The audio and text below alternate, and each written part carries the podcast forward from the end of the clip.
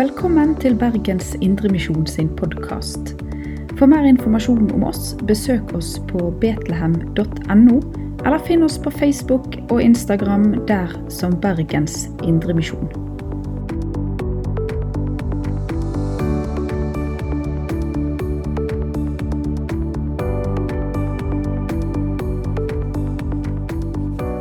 God Kristi himmelfartsdag. Jeg vet ikke jeg om vi pleier å si det. Vi sier god påske og god pinse og god jul og sånn, men god Kristi himmelfartsdag, det er vel kanskje ikke så ofte vi sier det. Men eh, jeg tenkte, hvorfor ikke si det òg, når vi eh, møtes på en sånn dag som dette? Det er liksom en dag som eh, eh, kommer som i tillegg til de store høytidene, denne Kristi himmelfartsdag. Og eh, jeg eh, måtte lese litt om denne dagen i forbindelse med at jeg skulle være med her i dag. Og da oppdaga jeg det at eh, denne dagen har veldig lang eh, kirkehistorisk tradisjon. Ja, faktisk begynte de å feire Kristi himmelfart eh, før de begynte å feire jul.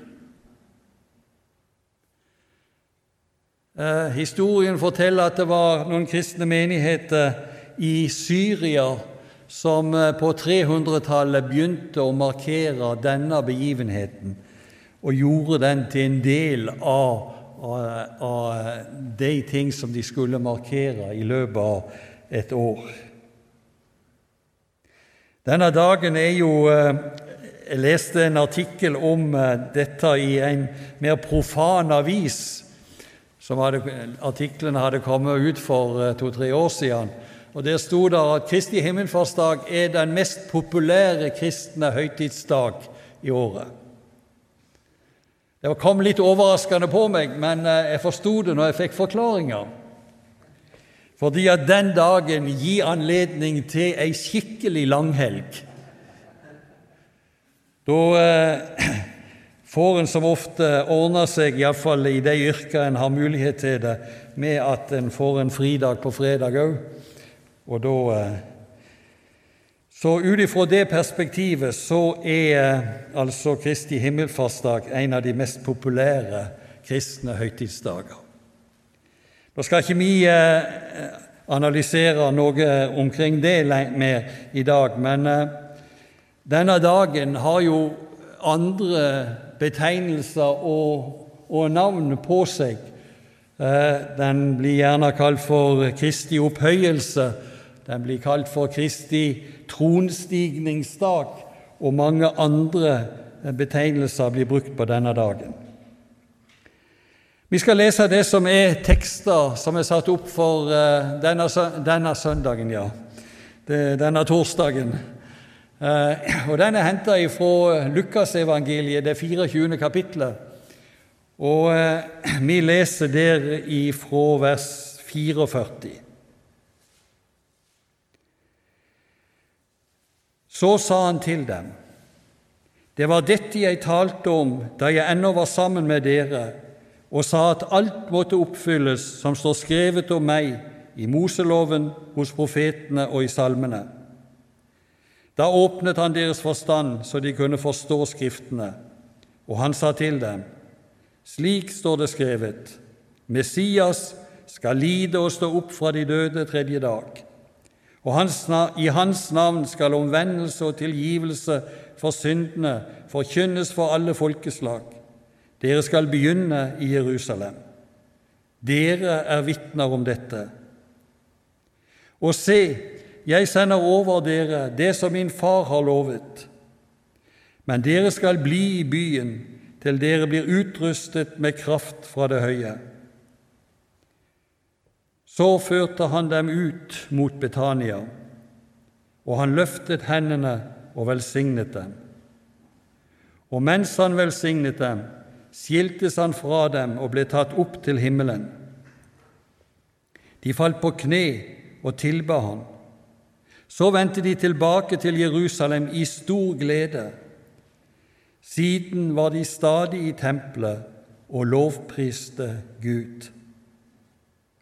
Kjære Gud, takk for ditt ord til oss. Og nå ber vi om at du ved din ånd må gjøre dette ordet levende for oss, for våre hjerter, for våre liv. Amen.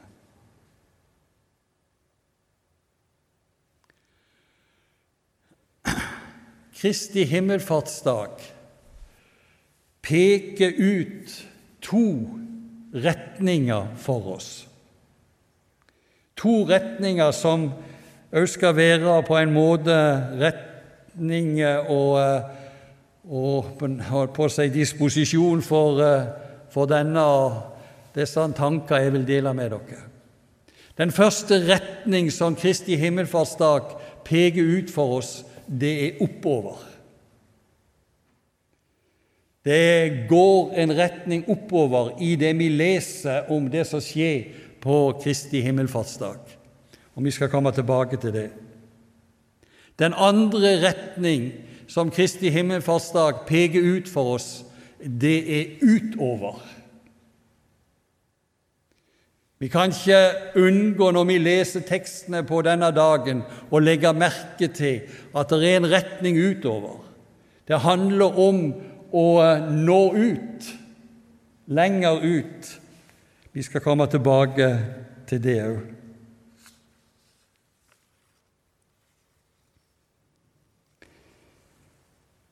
Avskjed, det er ikke alltid noe som vi ser som noe hyggelig og kjekt. Vi opplever ofte avskjed som eh, noe der vi blir stemt litt i moll, og der vi eh, ofte opplever smerte, og, og kanskje føler vi på at, at eh, dette er ikke greit å ta avskjed med noen. Det kan være avskjed her i livet for kortere eller lengre tid, men det kan òg være avskjed med et menneske som eh, går døden i møte. Avskjed er ikke noe vi, vi lengter etter, men eh, snarere tvert imot så lengter vi etter gjensynet.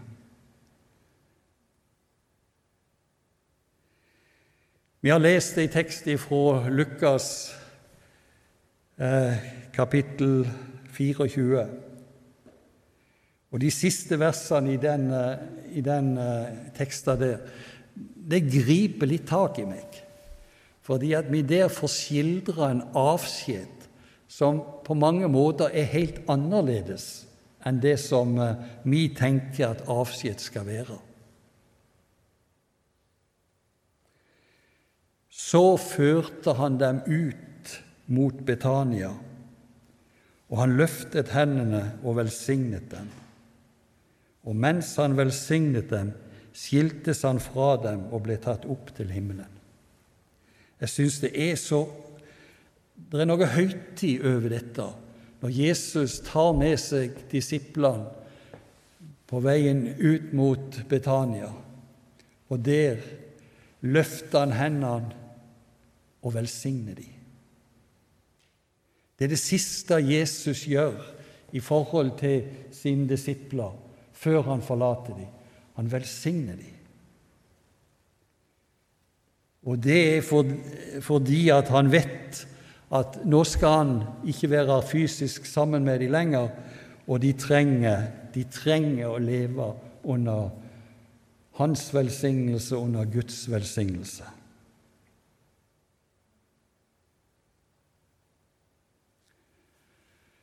Det som òg har, har, grepet meg, det er disiplene sin reaksjon på det som skjer. De faller ikke sammen i gråt og fortvilelse over at nå er Jesus borte. Men hva er det som skjer? De faller på kne, og de tilber han. Nå har de vært sammen med Jesus i ca. tre år. De har opplevd veldig mye. De har opplevd hans forkynnelse og undervisning.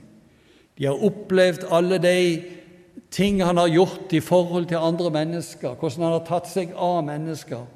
De har opplevd helbredelser og andre under. Og så har de nå i den siste tida opplevd dramatikken omkring påsken. Først at han blir hylla som en konge, og så at han blir korsfesta, og så at han står opp igjen ifra de døde. Det er klart det er det voldsomme inntrykk disiplene har måttet ta inn over seg i løpet av den tida de har vært sammen med Jesus. Og det er som om nå oppsummeres alt. De faller på kne og tilber Han fordi at de har sett at Han var virkelig den som skulle komme. Han var virkelig den Messias som Gud hadde lovt skulle komme. Og det er bare Han som er verdig vår eh, takk og tilbedelse. Og derfor faller de på kne der etter at Jesus har, har forlatt dem. Og ikke nok med det. Når de eh, så vender tilbake til Jerusalem, så gjør de det i stor glede. Deres liv, deres hjerte er fylt av glede. Kanskje ikke først og fremst fordi at Jesus har forlatt dem, men fordi at de har fått møte Jesus og være sammen med Jesus og opplevd at han er den som gir livet deres mål og mening, og som gir eh, mening til alt.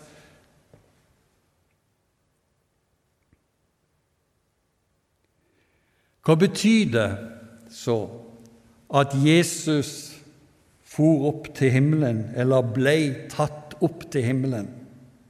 Hva betyr retningen oppover for oss?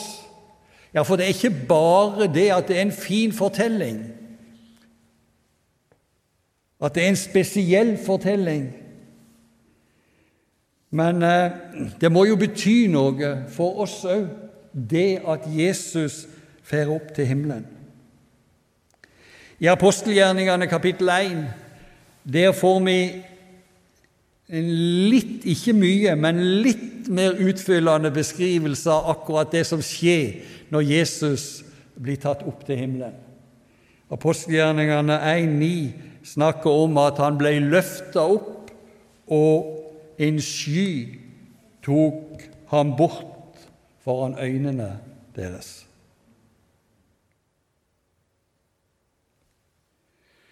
La oss slå fast med en gang himmelfarten er ikke en slags romferd.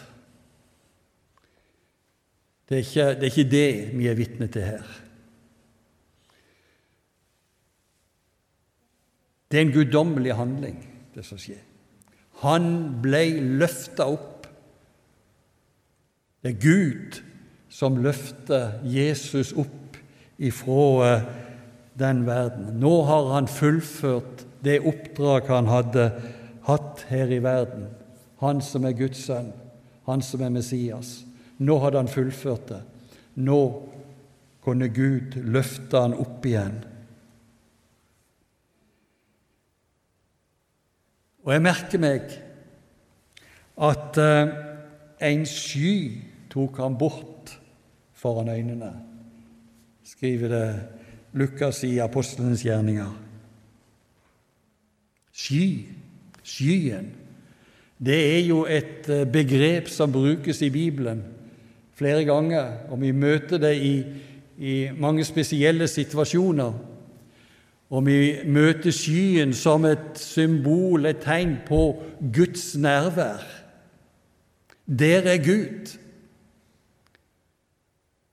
Se i Andre Mosebok, kapittel 19 og kapittel 40, om hvordan Gud er nær uh, gjennom skyen. Se i Matteus kapittel 17 hvordan Gud taler til, til uh, de som er på Forklarelsens berg, gjennom skyen. 'Dette er min sønn, den elskede. Hør ham.' Så når, når Jesus her blir beskrevet at han, en sky tok han bort, så er det et uttrykk for at han, han kommer til Gud. Han kommer inn til Gud, inn i Guds nærhet. Jesus er så å si tilbake igjen der han rettmessig hører hjemme, innenfor Gud, hos Gud. Poenget er altså ikke forsvinning. Poenget er ikke at han skal skjules, men at han blir tatt inn i Guds nærhet, inn i den himmelske og usynlige verden for oss.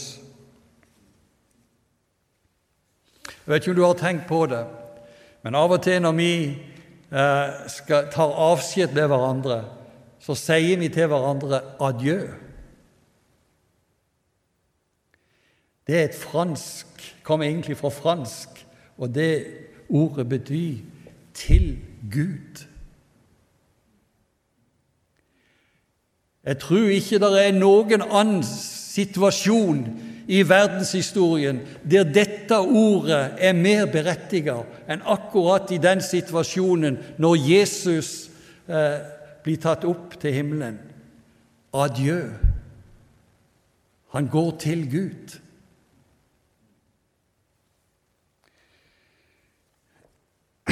Efeserbrevet kapittel 1 har en skildring av denne situasjonen eh, når eh, når Jesus blir, blir tatt opp til himmelen. Efeserbrevet 1, vers 20 og et par vers der.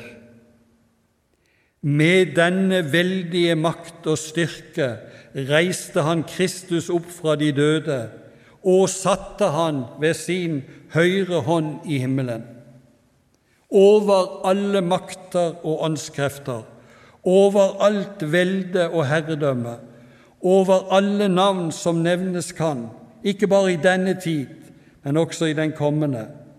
Alt la han under hans føtter, og ham, hodet over alle ting, ga han til Kirken, som er Kristi kropp, fylt av Han som fyller alt i alle. Jesus har tatt sete ved Guds høyre hånd og han blir overgitt all makt i himmelen og på jorda. Paulus skildrer noe av det samme i Filippabrevet 2, eh, i den flotte beskrivelsen av Jesu fornedrelse og opphøyelse som vi har der. Denne Jesus, som altså er, har tatt sete ved Faderens høyre hånd, ved Guds høyre hånd, han er overgitt all makt i himmelen og på jorda, sånn som han sjøl uttrykker det i misjonsbefalinga i Matteus 28. Denne Jesus er vår bror. Han er den som ble menneske. Han ble den som gikk inn i uh, våre kår her på jord. Han vet om hva det vil si å være menneske. Han vet om eh, hvordan et menneske har det. Han kjenner vår situasjon. Han vet hva det vil si å være menneske på både godt og ondt.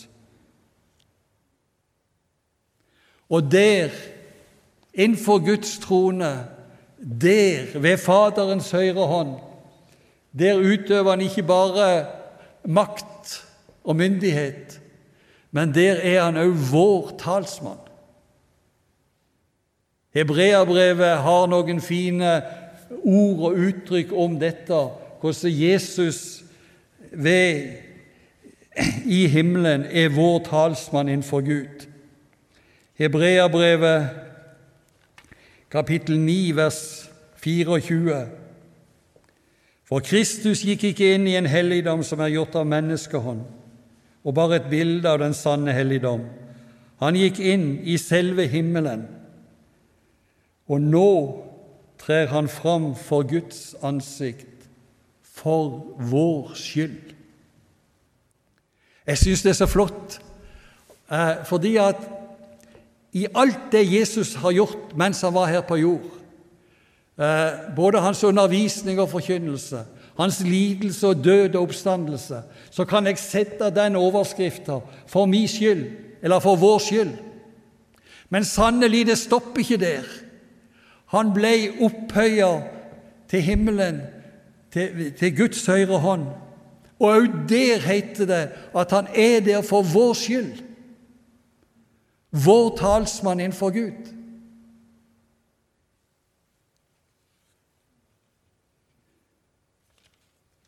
Og i Hebreabrevet 7,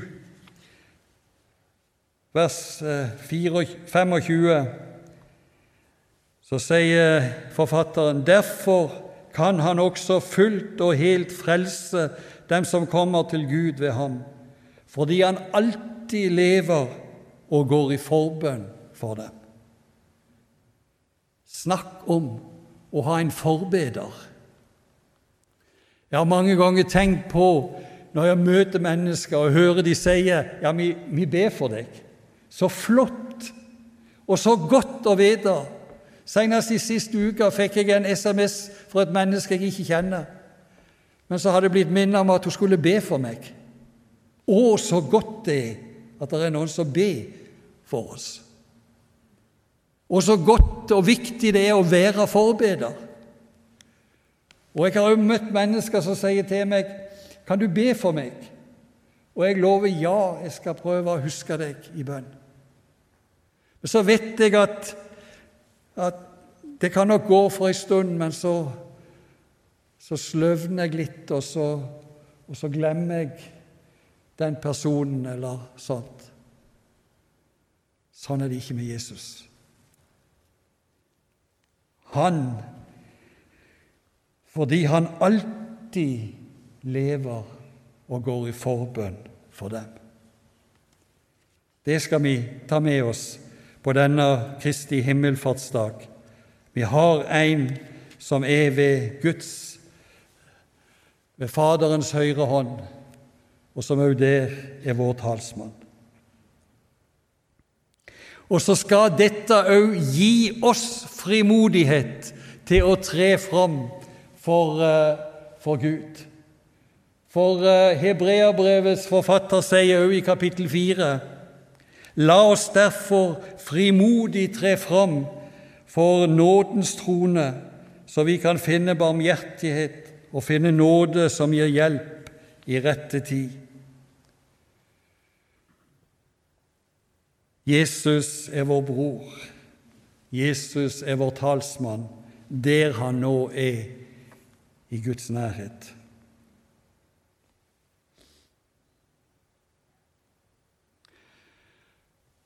Når Jesus ble tatt opp til himmelen, så eh, var det òg med den hensikt og det mål at da, eh, selv om han da forlot de rent fysisk, så hadde han gitt de et løfte om at han skulle alltid være med dem. Og Vi leste òg om det løftet han hadde gitt i den teksten vi har lest. Han skulle han skulle gi dem sin ånd, han skulle utruste dem. Og når Jesus farer opp til himmelen og forlater dem på den måten, så eh, er det òg for at han skal oppfylle det løftet han har gitt om at han en gang skulle gi dem sin Hellige Ånd, og at de ved den skulle bli rusta til tjeneste for Han. Og det skal vi òg ta til oss i dag som et løfte til oss. Jesus han sa i sin visjonsbefaling, og se, jeg er med dere alle dager inntil verdens ende. Så når han har fart opp til himmelen, så er det ikke fordi at han er borte fra oss. Så er det ikke fordi han har glemt oss. Snarere tvert imot. Han er med oss og hos oss og i oss så lenge vi tro på Han og høre Han til.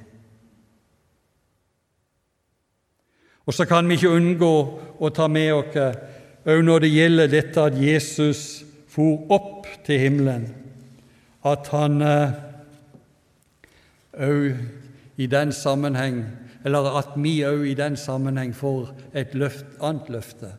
Han skal komme igjen.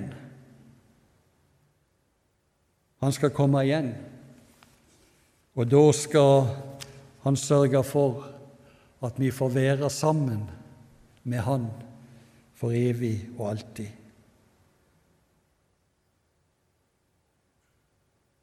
Det løftet skal vi òg få ta med oss denne Kristi himmelfartsdag, uten at vi skal gå nærmere inn på det nå.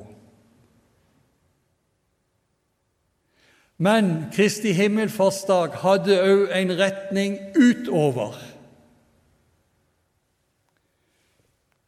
Vi leste ifra Lukas 24 om hvordan Jesus samtalte med disiplene like før han eh, ble tatt opp til himmelen. Og Noe av det siste han sier til dem, det er dette Dere er vitner om dette. Og vi får noe av det samme gjengitt i apostelgjerningene 1, vers 8, der han sier Dere skal være mine vitner vitner om det Jesus har gjort. Vitner om det han har gjort, ikke bare for noen få utvalgte mennesker, men for alle mennesker. Han ga disiplene et oppdrag om at de skulle være hans vitner og bringe budskapet og vitnesbyrd om han ut til stadig nye mennesker. Og vi må spørre hvorfor kan vi samles til møter og gudstjenester her i dag? Jo, ganske enkelt fordi at det var noen som har tatt dette ordet og dette, denne utfordringa for Jesus på alvor og vært hans vitner og brakt hans budskap videre. Opp gjennom historien, fra generasjon til generasjon, har budskapet gått. Stadig nye mennesker har møtt det. Opp gjennom historien har stadig nye grenser, landegrenser, blitt brutt. Stadig nye folk og folkeslag har fått høre evangeliet. Og så sitter vi her i dag og er blant de som kan takke og prise Gud, både for uh, Gud og mennesker, for at uh, det var noen som tok på seg arbeidet med å bringe budskapet videre. Og nå er det vår tur. For òg i dag lyder det ifra Kristi himmelfartsdags budskap dere er mine vitner. Dere skal være mine vitner og så må det ikke bli sånn at dette var, det var her, det var så langt det nådde, og ikke lenger. Vi må sørge for at budskapet går videre. Derfor må vi stille oss til disposisjon for, for Han. Budskapet må gå videre. Så lenge det er tid og mulighet, så må dette budskapet nå ut til stadig nye folkegrupper og nye generasjoner, sånn at flest mulig kan få høre evangeliet om Jesus, om hans døde oppstandelse for vår skyld, om hans tjeneste for vår skyld innenfor Guds trone.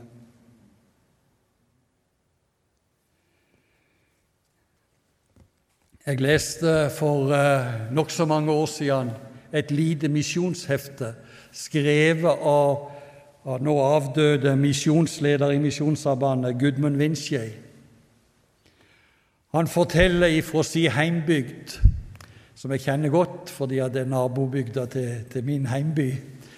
Han var ifra Feda i Kvinesdal.